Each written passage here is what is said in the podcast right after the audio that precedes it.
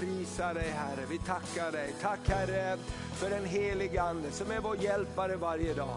Helige Ande, du är vår tröstare, vår hjälpare. Du är med oss. Och tack att det står att du tar av det som finns hos Fadern. Du tar av det som finns i himlen och du ger det till oss. Tack Jesus för att du är konungarnas konung och herrarnas herre. Vi ber helige Ande öppna våra ögon så vi kan se idag vad du vill visa oss. Öppna våra öron så vi kan höra på lärjungas sätt ifrån ditt ord den här dagen. Herre vi tackar tackar dig. Jag tackar dig för att var och en som lyssnar är dyrbar inför dina ögon. Tack att ingen enda är en slump, ingen enda är en tillfällighet. Ingen eh, omständighet är främmande för dig Herre. Du vet var vi är, och hur vi har det. Men du Herre har också en underbar väg, en underbar plan, en underbar utväg Herre. I varje situation. Och du ger oss bröd för varje dag. Du ger oss ljus på vår stig. Du ger oss glädje i våra liv Herre. När vi sätter vår förtröstan förtröstan på dig. Vi prisar och ärar dig för det. I Jesu namn. Och allt folket sa det. Amen, underbart. Ta och välsigna någon. Halleluja. Och ni, låt ner, sitter på andra raden. Amen.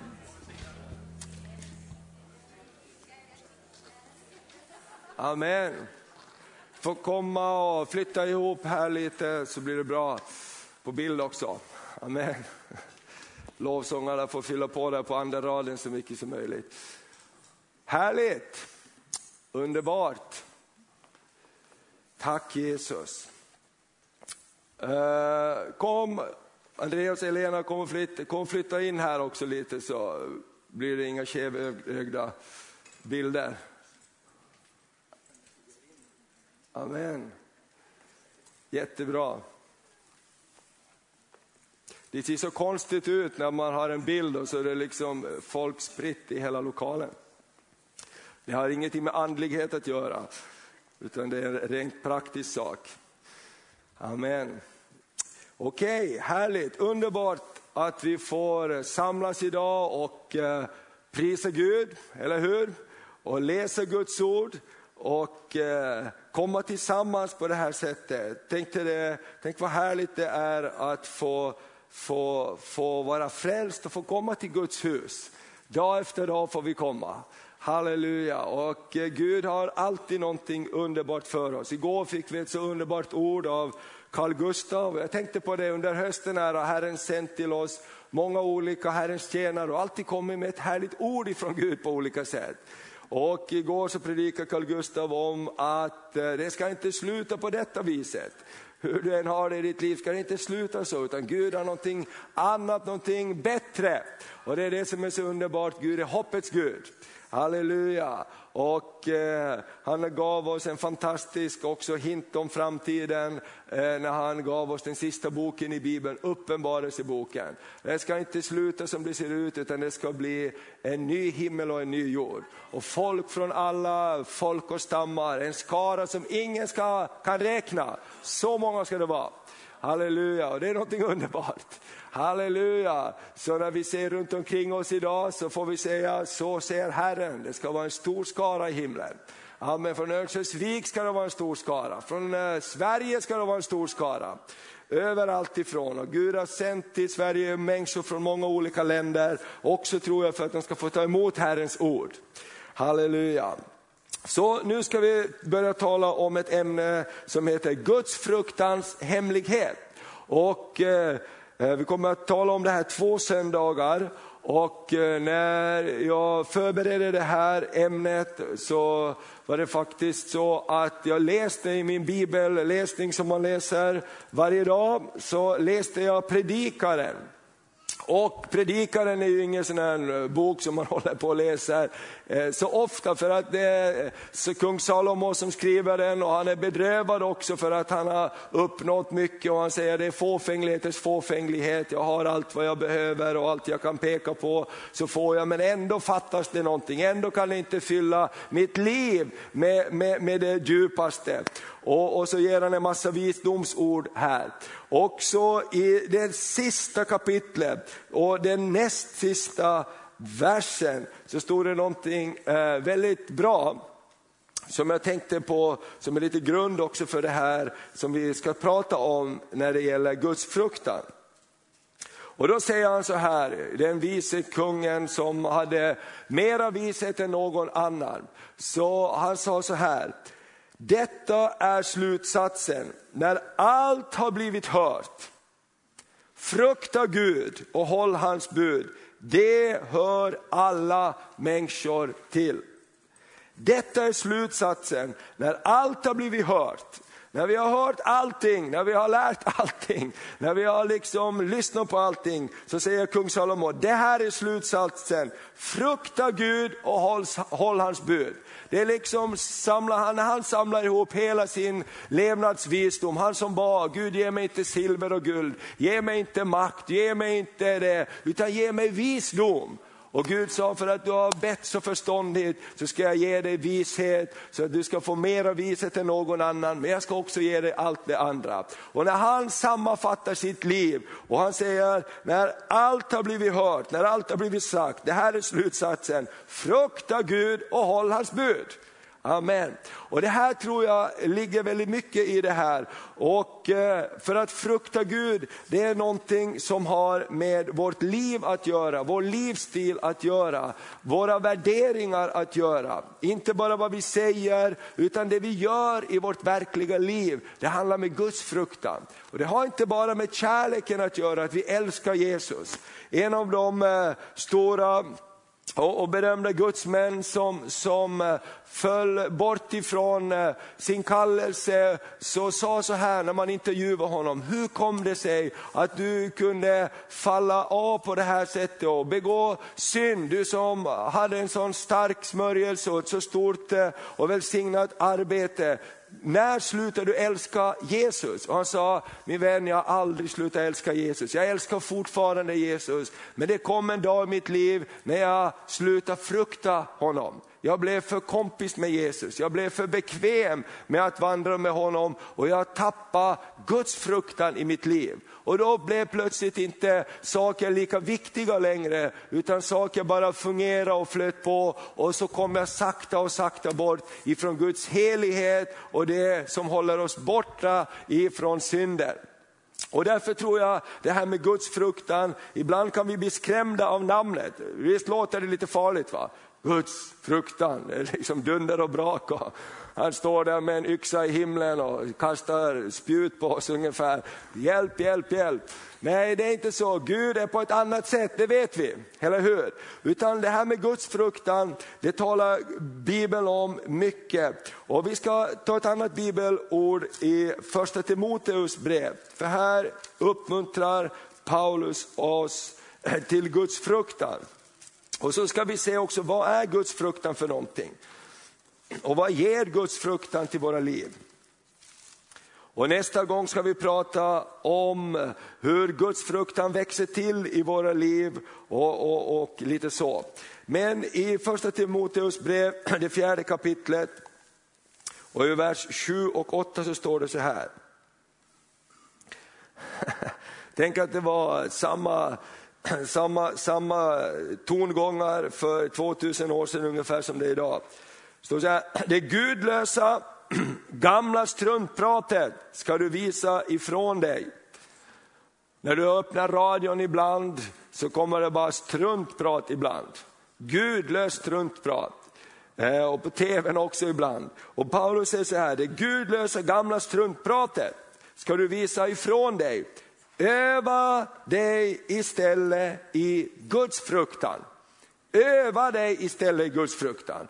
Alltså det här omringar oss. Struntprat, hur många har hört struntprat den här veckan? och, och, och eh, eh, gudlöst prat, hur mycket hur många har hört och sett gudlösa saker den här veckan? Jag tror vi alla, bara vi har på tv, radion, det bara, bara omger oss. Och Paulus säger att vi behöver rikta vårt fokus på någonting annat, på att öva oss i Guds fruktan. Och i vers 8 står det, ty kroppsövning är i någon mån nyttig. Det är nyttigt att gå på gym, det är nyttigt att hålla igång sin kropp. Men Guds fruktan är på alla sätt nyttigt.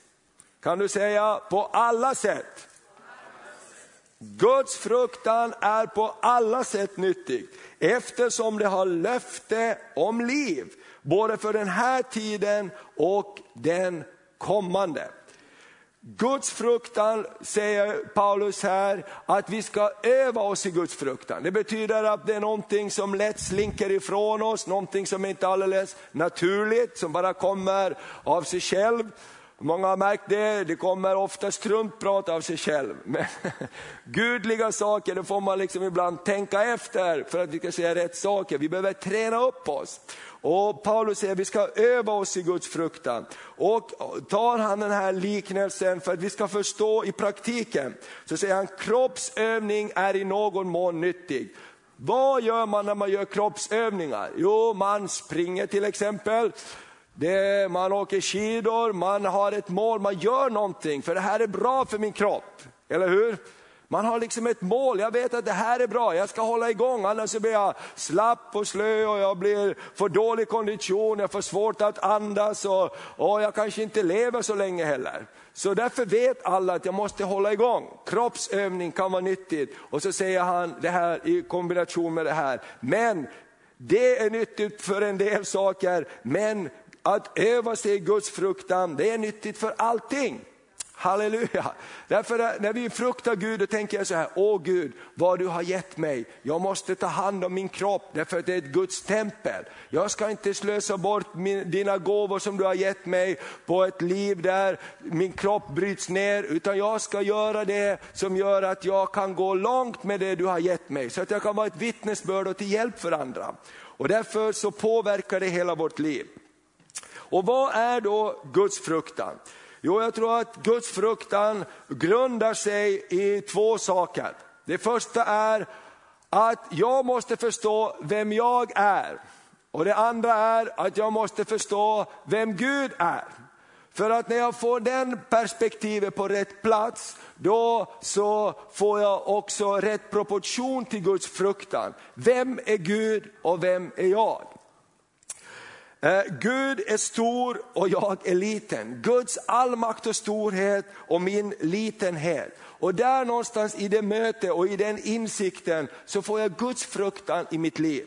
Och någonstans också så tror jag att just det här perspektivet ibland när vi lever i en kompisvärld ofta och relationer som är viktiga givetvis, så kan också vår Guds relation degraderas till en nivå där Gud är vår bästa kompis. Men Gud är inte din bästa kompis. Han är Gud och han är en trofast vän. Han är evig far. Men han är inte din kompis som Pelle, eller Kalle, eller Lena eller Stina. Eller hur? Han är din vän, han är trofast, han är din förbundspartner, han är den som aldrig sviker dig, men han är också himlaskarornas Gud. Han är den som spänner ut stjärnorna på himlen. Han är den som har allting i sin hand. Han är den för vilken himlen och jorden bevar.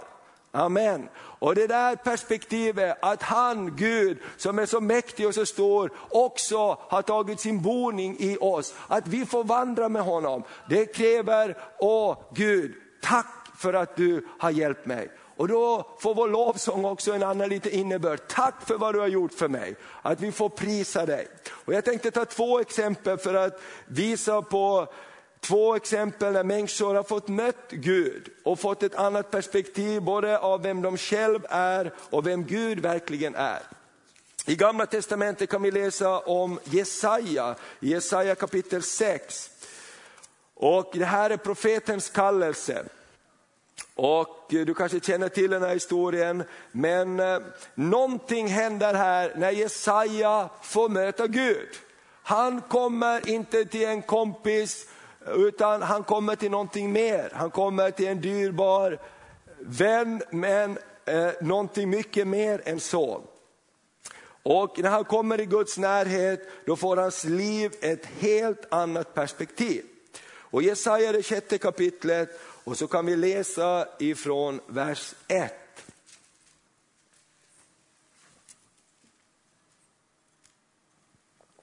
Då står det så här. I det år då kung Ussia dog så såg jag Herren sitta på en hög och upphöjd tron. Och släpet på hans mantel uppfyllde templet. Det är inget litet släp.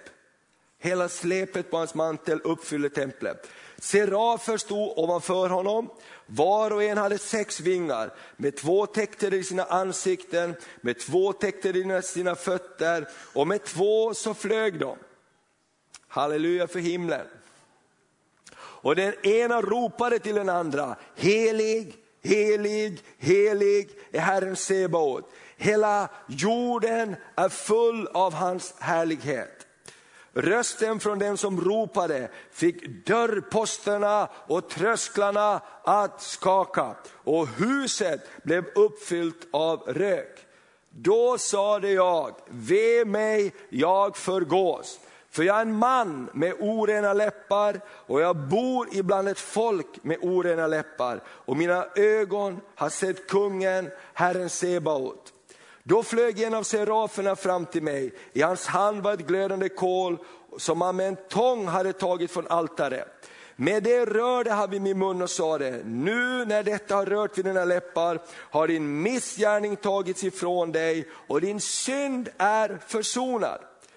Och jag hörde Herrens röst han sa, vem ska jag sända och vem vill vara vår budbärare? Då sade jag, här är jag, sänd mig.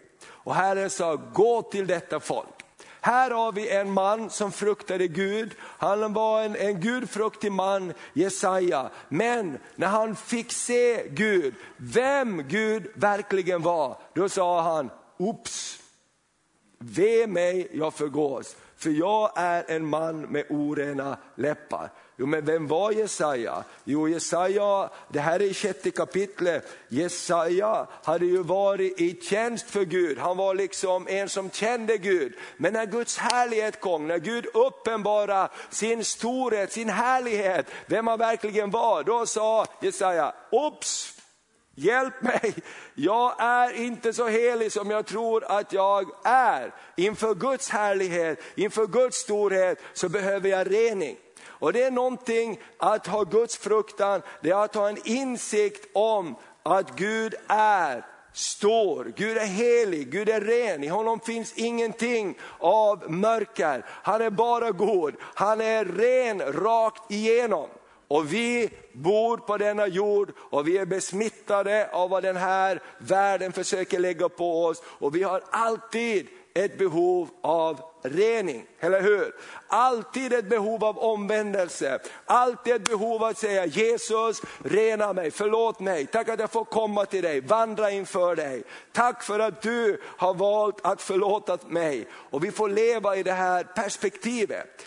Och en annan exempel eh, från Nya Testamentet, en annan som mötte Jesus, som också eh, eh, eller mötte, mötte den uppståndne Jesus, och det är från Johannes uppenbarelse. Det är Johannes som hade varit med Jesus som en lärjunge, men nu får han möta Jesus på ett nytt sätt. Och här får han också ett nytt perspektiv om vem Gud verkligen är. Det finns många sådana berättelser i Bibeln, jag tänkte jag tar bara två stycken, ett från gamla, ett från nya, för att eh, visa på den här dynamiken för att kunna förstå Guds fruktan. Och då kan vi läsa ifrån Johannes uppenbarelse, ifrån det första kapitlet och från vers 9. Och det står som överskrift, Människosonen uppenbarar sig. Johannes uppenbarelse kapitel 1 och från vers 9 står det om hur, hur eh, Johannes får se en syn och han får möta Jesus och den han möter gör honom eh, skakig kan man säga. Då så står det så här, jag Johannes, er broder som i Jesus delar lidande och riket och uthålligheten med er. Jag befann mig på den ö som kallas Patmos för Guds ords och för Jesu vittnesbörds skull. På Herrens dag kom jag i anden och jag hörde bakom, eh, eh, jag hörde bakom mig en stark röst, likt ljudet av en basun. Känner du igen språkbruket från gamla testamentet? När de talar i himlen, då skakar till och med dörrposterna. Nu så ser Johannes eh, Människosonen och det står att det var en stark röst, likt ljudet av en basun och den sa det. Skriv ner i en bokrulle vad du ser och skicka den till de sju församlingarna i Efesus, Myrna, Pergamus, Thyatira, Sardes, Philadelphia och Laodicea. Jag vände mig om för att se rösten som talade med mig. Och när jag vände mig om så såg jag sju ljusstakar av guld och mitt ibland ljusstakarna en som liknade Människosonen, klädd i en fotsidklädnad och omgjordad med ett bälte av guld om bröstet.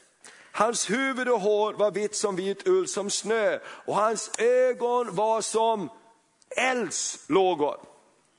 Hans fötter liknade skinande malm som glöder i smältugnen och hans röst lät som dånet av väldiga vatten. I sin högra hand höll han sju stjärnor. och ur hans mun gick ett tvegat skarpt svärd och hans ansikte lyste som solen när den skiner i all sin kraft. Och när jag såg honom, då föll jag som död ner för hans fötter och han lade sin högra hand på mig och sade, var inte förskräckt, för jag är den första och den siste och den levande. Jag var död och se, jag lever i evigheternas evighet och jag har nycklarna till döden och helvetet. Amen. Två personers möten med den levande guden förvandlade deras insikt om vem de själva var. Jesaja han föll ner och sa, ve mig jag förgås, jag har orena läppar och jag bor ibland ett folk som är orent. Johannes som hade varit med Jesus, han var ju ändå en apostel, han föll ner såsom död framför Jesus och sa, ve mig jag förgås. Och det är så underbart att Gud inte slutar där, utan han har en annan lösning på det. det här, I Jesaja så tog han ett glödande kol och rörde vid hans läppar och sa, din missgärning är tagen ifrån dig, gå och tala mitt ord. Och i Johannes uppenbarelse så står det att Jesus eh, la sin högra hand på honom och sa, var inte förskräckt, jag är den första och den siste. Jag är den levande, jag var död och se jag lever i evigheternas evigheter. Och jag har nycklarna till döden och dödsriket. Han reste upp honom och sa, jag har ett uppdrag för dig. Gå och skriv det här till församlingarna, tala om det här som komma skall.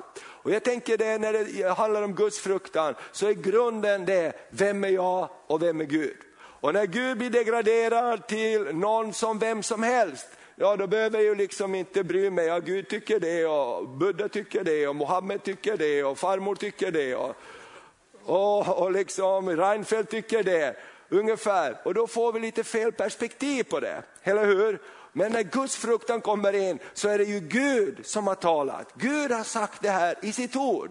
Gud som jag vandrar inför, han som är den enda som kan rädda mig som det står, frukta för den som, som har döden i sitt våld. Frukta för den som verkligen kan göra skillnad i våra liv. Och Det handlar inte i första hand om att frukta för saker på ett, på ett eh, felaktigt sätt, utan frukta inför Gud för att han är helig och han är sann.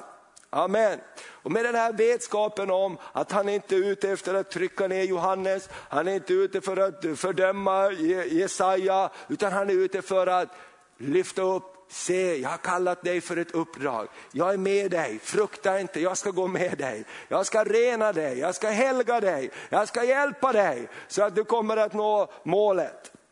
Och att, att Guds, vad är då Guds fruktan mera? Jo, att se Guds storhet och min litenhet och mitt behov av det som Gud har. Det är också att böja sitt liv, att jag böjer mitt liv, min vilja, min kraft, mitt förstånd under Gud. Vad var det största budet? Du ska älska Herren din Gud av allt ditt hjärta, allt ditt förstånd, all din kraft, med all din vilja. Och din nästa som dig själv. Alltså att frukta Gud, det är att säga, jag böjer mitt liv under dig. Jag ödmjukar mig. Vad betyder det? Jo, jag böjer min nacke, jag böjer mitt huvud. Jag böjer mig i vördnad inför någon som är högre än mig. Eller hur? Jag böjer mig, Gud har du sagt det i ditt ord, så böjer jag mig under det. Amen, har du gett det här löftet, även om omständigheterna säger tvärtom, så böjer jag mig i ödmjukhet och gudsfruktan under ditt löfte. Ty så säger Herren. Amen. Halleluja, det ska inte sluta på detta viset. Till exempel, Gud ger ett ord. va? Gud ger ett ord om ett framtid och ett hopp. Och det här är någonting mer än bara ett eh, församthållande i min, i, min, i min hjärna. Det här är någonting som blir en livsstil hos mig. Gud, jag vill böja mig under dig. Om Gud säger så här i sitt ord, lyft heliga händer och lova och prisa honom. Så det är inte bara liksom en åsikt som pastorn har, att det är bra att lyfta sina händer när man tillber Gud. Utan det är Guds ord som säger det. Eller hur? När Gud säger att vi ska helga våra liv, när Gud säger att vi ska eh, rikta vår blick mot det som är där ovan, är det liksom ingenting som är en viss rörelses inrikt, trosinriktning, utan det är Gud som säger, på den här jorden, där det är så mycket mörker, lyft din blick till mig, så ska jag hjälpa dig. Halleluja, du lever här på jorden, men vi är inte av den här jorden. Amen. Vi lever med vår, våra hjärtan, vår blick på löftena i himlen och det visar oss någonting annat. Det visar oss någonting annat. Varför kan Guds folk fröjda sig mitt under förföljelsen? Jo, därför att vi har vår blick riktad på någonting annat. Amen. Varför kan man sjunga? Varför kunde Petrus och, och, och, eh, eller Paulus och Silas sjunga i den djupaste fängelsehålan? De hade sina blick, sin blick på någonting annat. Halleluja, imorgon kanske vi ska dö, men låt oss prisa Gud idag i alla fall. Halleluja, låt oss prisa Gud för härligheten som kommer där längre fram. Och det står att mitt i mörkret, i den djupaste fängelsehålan, så börjar de prisa Gud. Tacka Herren, ty han är god, hans nåd varar evinnerligen. Tror ni att de andra tyckte att de var konstiga? Alldeles säkert. Tror ni att världen tycker att Guds folk är konstiga? Alldeles säkert. Men vet du vad, det finns någonting välsignat i det. Det finns någonting välsignat i det. Halleluja, om världen säger, ja men, ja, men tänk på dig själv, tänk på dig själv. Du behöver tid för dig själv, du ska inte gå på gudstjänsterna så ofta, du behöver tid för dig själv. Då säger vi nej, vi böjer oss under Gud. Halleluja, jag vill gå och tillbe honom, jag vill gå och prisa honom. Halleluja, i mörkret så vill jag prisa honom. För han är god och hans nåd är bara för evigt. Ja men ser du inte vad som händer? Ser du inte hur du har det? Jo men han säger någonting annat. Han visar någonting annat. Och jag har sagt till mig själv, Gud jag vill frukta dig, hjälp mig att frukta dig. Och att frukta Gud det betyder att jag böjer mig. Jag böjer mig under Gud. Gud har du sagt det, har du sagt det så vill jag hålla fast vid det. Amen. Att respektera Gud och hans ord för att han är Gud den allsmäktige. Att frukta Gud är inte i första hand att vara rädd för honom, utan lyda, älska och tjäna honom. Halleluja, därför Gud är vår far, eller hur? Och han är en god far och Gud är den gode herden. Amen, och han vill inte ha någon av vår uppmärksamhet av tvång utan av kärlek. Amen. Därför kom or, kunde ormen komma in i Edens lustgård, därför att pröva människornas kärlek till Gud. För Gud vill inte ha din och min påtvingade efterföljelse. Eller hur? Du vill inte heller bli älskad för att någon måste. Hej, jag älskar dig, bara så du vet det. Äh. Och jag ska säga det varje dag, så här, jag har gjort en lista här så du kan själv pricka av och kolla. Det är liksom inte det man vill ha, eller hur? Vi vill att man, man, man blir älskad för, för att man vill det, eller hur? Och det är så Gud vill ha det också. Och det står så härligt i Saltaren 86 och 11 kan vi läsa. Eh, Guds fruktan, det är inte i första hand att vara rädd för Gud. Lite grann är det faktiskt det också. Därför han är väldig. Amen. Eh, men det är inte första hand att vara rädd för honom på något sätt, utan det är att lyda, älska och tjäna honom utifrån kärlek. Och Psaltaren, det 86, eh, det 86 kapitlet, inte säga, men psalm 86 och vers 11 säger, så står det så här, eh, David har en härlig psalm här, förtröstan på Herren i svår nöd. Eh, och så står det så här från vers 10, ty du är stor och du gör under. Du ensam är Gud. Visa mig Herre din väg. Jag vill vandra i din sanning. Bevara mitt hjärta vid det enda, att jag fruktar ditt namn. Jag vill tacka dig Herre min Gud av hela mitt hjärta och ära ditt namn i evighet. Ty du är, din nåd är stor över mig, du räddar min själ ur dödsrikets djup. Och så säger han så här i vers 11, bevara mitt hjärta vid detta enda, att jag fruktar ditt namn. Amen att jag fruktar ditt namn. David säger, Gud bevara mig vid det här, att jag fruktar ditt namn, att du är Gud den allsmäktige, att du är den som råder över himmel och jord. För att Israels hela historia hade varit så, upp som en sol, ner som en pannkaka. Upp som en sol, ner som en pannkaka. Åh, vi älskar Gud, vi följer honom, Gud välsignar dem. Sen har de glömt honom. Sluta att frukta Herrens namn. Och vad hände då? Fum, välsignelsen försvann. Och fienden kom och de blev bara bedrövelse på allt sätt. Men när de fruktade Herrens namn, då fanns Guds härlighet där. Och David fick ju lära det sig på ett fantastiskt sätt när de tog in arken i Jerusalem. Först så, så tog de tillbaks arken ifrån fienden, de skulle föra in arken i, tillbaks till Jerusalem och placera den mitt ibland folket. Men först så, så, så, så gjorde de det utan kunskap. Och det var en som dog till och med när han rörde och skulle hjälpa Guds ark med mänsklig styrka. Och då så sa de, åh Gud, han är en verklig helig Gud. Vi måste verkligen ta reda på hur vi ska närma oss Gud, hur vi ska frukta hans namn. Och så står det att de fick låta arken stanna kvar i ett hus ganska länge. Och det står att eh, i Obededoms hus, där arken hade stannat, så flyttade de in det i huset. Och det står att Gud började välsigna Obededoms hus för arkens skull. Guds närvaro fanns där. Och David såg ju det här och sa, vi måste ta upp arken till Jerusalem. Och det står att sen de hade grundligt utforskat det här så tog de arken. Och det står att de offrade inför Herren när de förde upp arken till Jerusalem. För varje eh, meter och för varje steg de tog så offrade de inför Herren. Och de jublade inför Gud när de tog in härligheten i Jerusalem. Och det var det här som David visste på något sätt. Bevara mig vid detta enda, att jag fruktar ditt namn. För ditt namns skull så måste Goliat falla.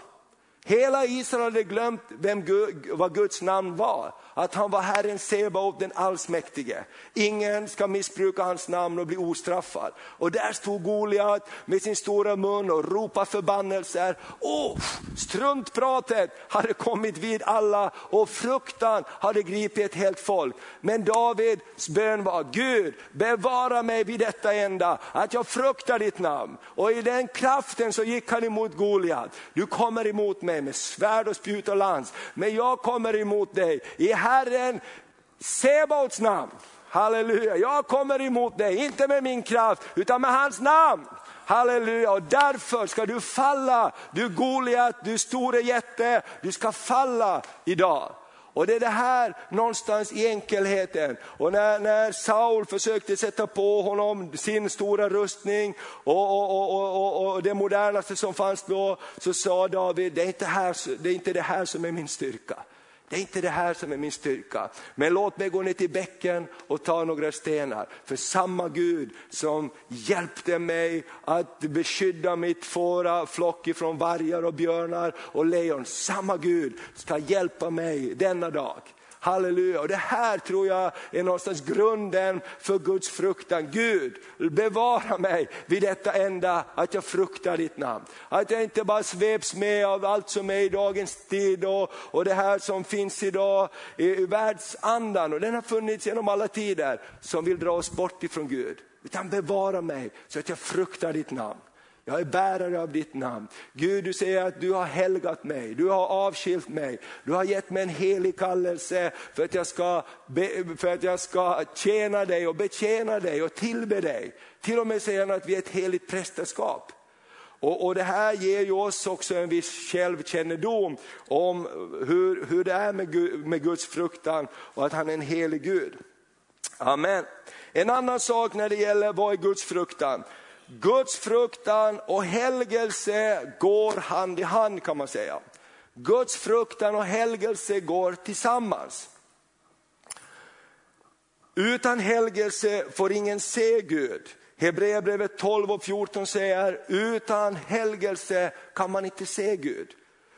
Vi kan inte frukta Gud utan att också arbeta på vår frälsning, leva ett liv i helgelse, helga oss, påminna oss själva om Gud, Gud först, Gud först, Gud först. Och precis, det är ju det här som eh, Jesus vet också när han lär sina lärjungar att be Fader vår. Inled oss inte i frestelse utan fräls oss ifrån det onda. Amen, här ska ni be varje dag.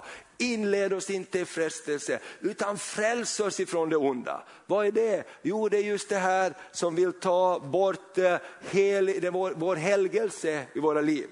Och om vi tittar i ett annat eh, bibelställe än Hebreerbrevet 12 och 14 så säger det att utan helgelse får ingen se Gud. Så kan vi läsa andra Korinthierbrevet 7 och 1 istället. Amen. Andra Korinthierbrevet 7 och 1. Halleluja! Får du ut något av detta? Amen. Jag tror att Herren kallar oss och påminner oss om de här sakerna. Så står det så här då, i den första versen i andra Korinthierbrevet 7.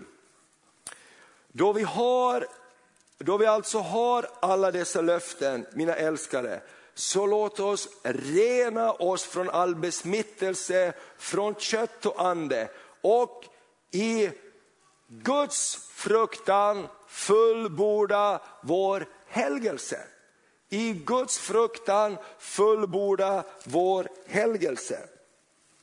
Och eh, Gud säger, Bibeln säger att han har gett oss löften, att han ska vara med oss, att han älskar oss, han ska aldrig lämna oss. Vad vi ber om ska vi få, vad två av er här på jorden kommer överens om, det vill han ge till oss. Och, och han har gett oss en massa löften, löften om evigheten, om himlen. Och så säger han, så låt oss därför rena oss från all besmittelse från kött och ande och i Guds fruktan fullborda vår helgelse. Amen. Helgelse och Guds fruktan går hand i hand. Amen. Och här tror jag att vi har mycket att lära oss, jag har mycket att lära mig, men också vår om man säger, frikyrkliga kultur har mycket att lära oss just när det gäller Guds fruktan och helgelse, att det är någonting som bygger våra liv. Därför att allt bygger inte på upplevelser. Eller hur? De flesta dagarna i ditt liv är det inte väldigt stark smörjelse och upplevelser, eller hur? Det är inte liksom så att det bara skakar i köksbordet varje dag. Du ber gode Gud välsigna maten och den här dagen bara känner jag, jag bara flyger fram den här dagen. Utan det är bara liksom att kliva på, va? eller hur? Och säga tack gode Gud för denna dag.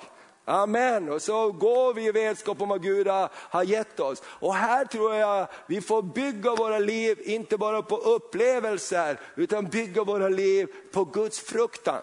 Gud, du har sagt jag böjer mig under dig. Gud, jag vill växa i helgelse, jag vill växa i att lära känna dig. Gud, du är helig, du är sann, ditt ord är heligt. Jag böjer mig i helighet under ditt ord. Jag erkänner, jag förstår inte allting i ditt ord, men jag vill lära känna dig mer och mer. Amen. Och därför tror jag att det är viktigt också att vi har den attityden. Ibland så kommer man och säger så här, det här förstår jag mig inte på. Jag kommer inte runt det här, jag kommer inte över det här, jag kommer inte liksom, ja det här, det här bibelordet här, det är liksom, det, det är så stort och jag kan inte förstå det. Ett litet tips. Ödmjuka dig och böj dig under Guds ord och säg Gud jag fattar inte det här men jag väljer att böja mig under det och jag ber visa mig. Kanske nu eller längre fram, jag vill veta hur det här hänger ihop. Men fram till det så böjer jag mig under det i ödmjukhet och i Guds fruktan att du vet lite bättre än mig. Amen. Och det är bara att jag erkänner, vi fattar inte allt vad som står i den här boken, men vi fattar tillräckligt mycket. För att Gud säger, min kunskap är inte svår. Eller hur? Inte ens den få kunnigaste ska gå miste om vägen. Den här boken är en så rik källa att man, kan, man har grävt i den i tusentals år. Inte bara 2000 år, utan tusen, tusen, tusentals år innan Jesus kom. I gamla testamentet så forskade man i skrifterna, så läste man i skrifterna för att lära känna Gud. Och så har man fortsatt, och det är det som är så underbart, 2011 så kan vi sitta på axlarna av de som har gått förut. De som har lärt sig förut. Och så kan vi se lite längre och så får vi gräva i vår tidsålder. Eller hur? Amen. Och Guds ord är liv för oss, för Gud har sagt. Amen. Fröjd i Herren är vår starkhet. Amen. Jo men, ja men fröjd i Herren är vår starkhet. Amen. Och det är någonting underbart. Okej, okay så helgelse och Guds fruktan går tillsammans. Guds fruktan är också att hata det onda. Vi kan titta på två bibelställen som gäller det. Ordspråksboken 8 och 13. Ordspråksboken 8 och 13.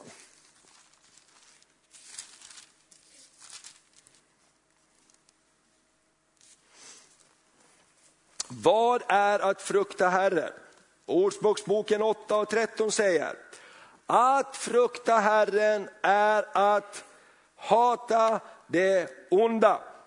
Högfärd, högmod och ett ont leverne och en falsk mun, det hatar jag, säger Gud. Guds fruktan är att hata det onda.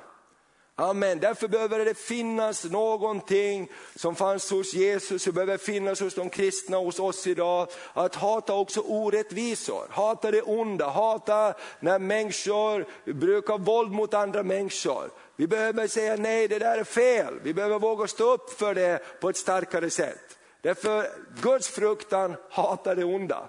Säga nej, det där är inte rätt. Amen. Och ett annat bibelställe från Nya Testamentet är Hebreerbrevet 1 och 9. Där det står om Jesus eh, så här i Hebreerbrevet 1 och 9. Så står det, du får slå upp det. Amen. Guds fruktan är faktiskt att hata det onda också, därför Gud är helig och han vill se.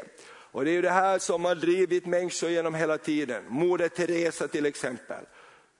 Att få vara en Guds utsträckt hand till de mest nödställda. Varför då? Därför Guds hjärta hatar bristen, fattigdomen, det hopplösa. Och Jesus står det, gick omkring och gjorde gott och bota alla. Eller hur? Vad var kännetecknet om Jesus? Han gick omkring, gjorde gott och botade alla som var under djävulens våld på något sätt. Eller hur? Han gjorde gott, han hatade onda. Han sa till denna kvinnan som hade varit sjuk i 18 år, skulle inte denna Abrahams dotter få bli fri? Eller hur? Djävulen har ingen rätt att plåga denna kvinna. Hon har rätt att bli fri, hon är en Abrahams dotter. Amen. Och så står det så här då i Hebreerbrevet 1 och 9. Därför, du älskade rättfärdigheten och hatade orättfärdigheten. Därför har Gud din Gud smort dig med glädjens olja mer än dina medbröder. Du har hatat orättfärdigheten och du har älskat sanningen och rättfärdigheten. Guds fruktan är att hata orättfärdigheten. Amen. Och det är därför jag tycker att vi kristna skulle kunna ta en långt större plats i samhället också. Det är därför jag tror att det är så viktigt det vi gör också nu när vi idag ska välsigna och be för det som ska bli biståndscentret där. Gud vi vill inte bara vara människor som med våra läppar säger saker. Gå och ät dig, ät dig mätt och klä dig varm, men vi gör inget praktiskt. Det är inte att frukta Gud, utan att frukta Gud är också att se Gud i mina medmänniskor och göra någonting praktiskt för dem. Därför Gud har skapat dem. Därför är vi emot rasism, eller hur? Därför att Gud har ingen skillnad på människor. Eller hur? Därför måste det vara hos en kristen någonting som vänder sig emot när folk börjar tala illa om människor från andra länder. Då måste vi säga nej. Därför vår Gud, att frukta Gud, det är att inför Gud är alla människor lika värda. Jag har inget större värde än någon annan inför Gud är vi alla hans skapelser och värda samma respekt och samma möjligheter. Amen. Så till avslutning, Gud är densamma i gamla och i nya testamentet. Han är helig, han är ren och han är sann. Skillnaden är den att i nya testamentet har vi ett kors, eller hur? Vi har ett kors i nya testamentet som säger, jag förlåter dig. Jag förlåter dig, mitt blod förlåter dig. Du får komma på den nya och levande vägen som jag har gjort för dig. Amen. Och det är så underbart, halleluja. Underbart, det är inte så att Gud har förändrats, det är inte så att Gud nu har kommit ut liksom ifrån det allra heligaste och tittar fram. Gud är allestädes närvarande. Skillnaden är att vi har fått komma in.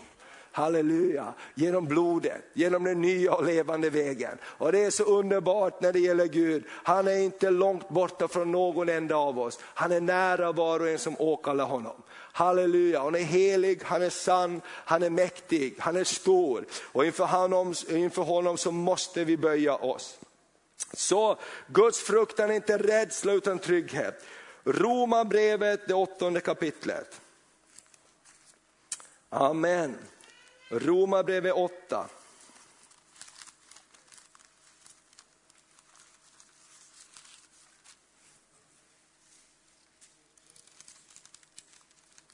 Då står det så här. Romarbrevet 8 och 12 till 15. Amen. Guds fruktan är inte rädsla utan trygghet. Barnaskapets ande som ropar, vadå? Abba, fader, halleluja. Abba, pappa. Det ropar pappa, halleluja. Det är barnaskapets ande. Och i Romarbrevet 8 och vers 12 så läser vi. Vi har alltså skyldigheter bröder, mot inte, men inte mot vår onda natur så att vi ska leva efter köttet. För om ni lever efter köttet kommer ni att dö, men om ni genom anden dödar kroppens gärningar så skall ni leva. Ty alla som drivs av Guds ande är Guds söner. Ni har inte fått slaveriets ande så att ni på nytt skulle leva i fruktan. Nej, ni har fått barnaskapets ande i vilket vi ropar, vadå? Abba fader, i vilket vi ropar, Abba fader. Kan vi ropa lite? I vilket vi ropar, Abba fader, halleluja. Pappas pojkar och flickor. Kan du vända dig till din som sitter bredvid dig och säger, vet du om att du är pappas pojke eller flicka, beroende på om det är man eller kvinna. Micke, vet du om att du är pappas pojke? Halleluja. Gud, himmelens fader, är din fader. Halleluja. Och då står det så här, vi har inte fått slaveriets ande för att vi ska leva i fruktan. Vi har fått barnaskapets ande i vilken vi ropar Abba fader. Anden själv vittnar med vår ande att vi är Guds barn. Halleluja, jag är barn till Gud. Halleluja, jag är barn till Gud. Han är min far och jag är hans barn. Halleluja, Gud var det tack. Men är vi barn så är vi också arvingar, Guds arvingar och Kristi medarvingar. Lika visst som vi lider med honom för att vi också ska bli förhärligade med honom. Vi är barn till Gud, halleluja. Och vår pappa, han är ingen fet, liten, blyg, skrämd farbror som sitter bakom ett skynke och tittar fram ibland. Eller hur? Halleluja, vår far! Han är någonting helt annat. Han är den som håller himmel och jorden i sin hand. Halleluja, han är den som spänner ut stjärnorna på himlen. Amen. Han är den som talar och då lyssnar universum. Det är din pappa. Halleluja, han är den som kallar på det som inte finns och som om det redan vore till. Halleluja, han är den som har berett en ny himmel och en ny jord åt alla dem som åkallar hans namn. Halleluja, han är den som eh, är mäktig att rädda oss från döden och dödsriket. Han är mäktig att upplyfta den nedböjde, han är mäktig att bota den sjuke. Han är mäktig att torka av den sorgsnes tårar. Halleluja, han är mäktig att svara på bön.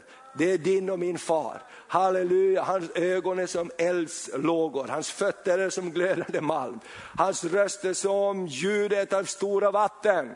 Halleluja, amen. Wow, det är verkligen någon, det är min far. Amen. Det är vår far, halleluja. Och jag har respekt för honom, jag älskar honom, jag böjer mig för honom. Halleluja, han vet vad han pratar om. Eller hur? Han vet vad han pratar om. Prisat vare Herrens namn. Nästa gång ska vi fortsätta att prata om vad ett liv i Guds fruktan ger dig. Det ger dig vishet, det ger dig ledning, det ger dig glädje, det ger dig välsignelse, det ger dig löfte om liv, det ger dig trygghet. Amen. Ska vi prata om hur man växer till i Guds fruktan. Vill du höra mer om detta så är du välkommen tillbaka nästa söndag. Amen, prisat vare Herrens namn. Så Guds fruktan är någonting som ligger väldigt nära Guds hjärta och någonting som vi behöver, tror jag, öva oss i. Eller hur? Amen. Hur många förstår att det är viktigt med kroppsövningar? Halleluja. Och då säger Bibeln att ännu mer viktigt är det att öva sig i Guds fruktan. För det är nyttigt inte bara för den här jorden, det är nyttigt för evigheten. Halleluja. Och det är också någonting, det är inte bara nyttigt för jorden, det är nyttigt för evigheten. Prisat vare Herrens namn. Och som kristen så har jag ett sånt perspektiv. Inte bara här, utan också där. Inte bara på jorden, men i jorden, men också in i evigheten. Halleluja, det är härligt att leva med ett sånt perspektiv. Halleluja, himlen i våra hjärtan himlen i våra hjärtan. Prisat vare Herrens namn. Halleluja. Och det är ju det där som David bad, Gud bevara mig vid detta ena, att jag fruktar ditt namn. För när Goliat kommer och de andra springer och gömmer sig, då har jag ditt namn. Jag vet vem du är, jag vet vad du kan, jag vet vad du står för. Jag vet att du aldrig överger mig, du aldrig sviker mig. Jag vet, att, jag vet att du är större än varje omständighet. Gud, jag känner ditt namn. Halleluja. Amen. Jag ska, som psalm 91 säger, han känner mitt namn, därför ska jag rädda honom. Halleluja, han känner mig. Om en eh, farosoten går över den här jorden, om man än faller på högra och vänstra sida, så ska det dock inte drabba dig, för du känner mitt namn. Halleluja. Ska vi be om det en stund? Halleluja. Fader vi bara tackar dig för att eh, Guds fruktan eh, får växa till i våra liv. Och vi ber som David bad, Herre. Åh Fader bevara oss i detta, att vi fruktar ditt namn. Att Guds fruktan är någonting Herre, som vi bär med oss i våra liv. Att Guds fruktan inte är någonting billigt, inte någonting vi tar lätt på. Utan Guds fruktan är någonting vi böjer oss in under. Åh Gud, hjälp oss att böja våra stolta huvuden ibland. Hjälp oss att böja oss i ödmjukhet inför dig, inför ditt ord. Och lyfta upp vad du har sagt, dina löften har sagt Herre. Och vi ber att när vi ser dig, som, jo, som Jesaja såg dig, som Johannes såg dig, att vi får Herre rätt perspektiv på oss själva. För vi kan inte frälsa oss, vi kan inte rädda oss själva. Bara du kan göra det. Och tack att du är villig att göra det. Tack att du säger idag är frälsningens dag. Tack att du säger jag vill hjälpa. Herre vi tackar dig för det. Och vi ber Fader, vi ber Fader, det här ska vara som en drivkraft i våra liv. Det ska ge oss energi att läsa vår bibel, att fira gudstjänst tillsammans, att prisa dig Herre. Att göra goda gärningar, att välsigna andra, att inte leva för oss själva utan se dig Fader i vår omgivning. Vi ber om detta i Jesu Kristi namn. I Jesu Kristi namn. Herre vi tackar dig för det. Halleluja. Herre vi ber också att du ska lysa på områden i våra liv där vi inte har böjt oss under dig Herre. Där, vi, åh, vår, vår, vår, där vår, vår egen förstånd och vårt eget huvud liksom ska sätta sig över dig. Att du inte riktigt förstår hur vi har, du inte riktigt förstår den här tiden. Utan hjälp oss Herre att böja oss i ödmjukhet inför dig. Och vi ber Herre om vishet, att förstå vad du vill visa oss. Tack att det står också det att om vi inte förstår så ska vi be om vishet och du ska ge oss villigt och utan hårda ord. Herre tack för att du är god, kärleksfull och tack att du är värd att frukta. Tack att himlen och helvetet fruktar ditt namn. Hur mycket mer ska inte vi då göra det? Vi prisar dig för det. I Jesu namn. Amen. Prisat vare Herrens namn. Underbart. Halleluja. När allt är sagt sa kung Salomo, så är slutsatsen, frukta Gud och håll dig till hans ord. Amen. Halleluja. Så låt oss ta det här och nästa söndag så fortsätter vi.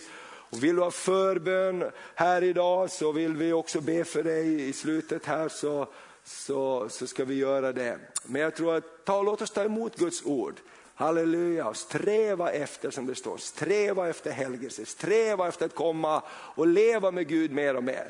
För det kan ingen ta ifrån oss, inga världskonjunkturer, ingenting runt omkring oss. Du och, och, och den gemenskap vi lever i, det gemenskap vi har med Gud är värd oss hur mycket som helst. Amen, Gud välsigne dig. Amen. Amen. Tack Jesus.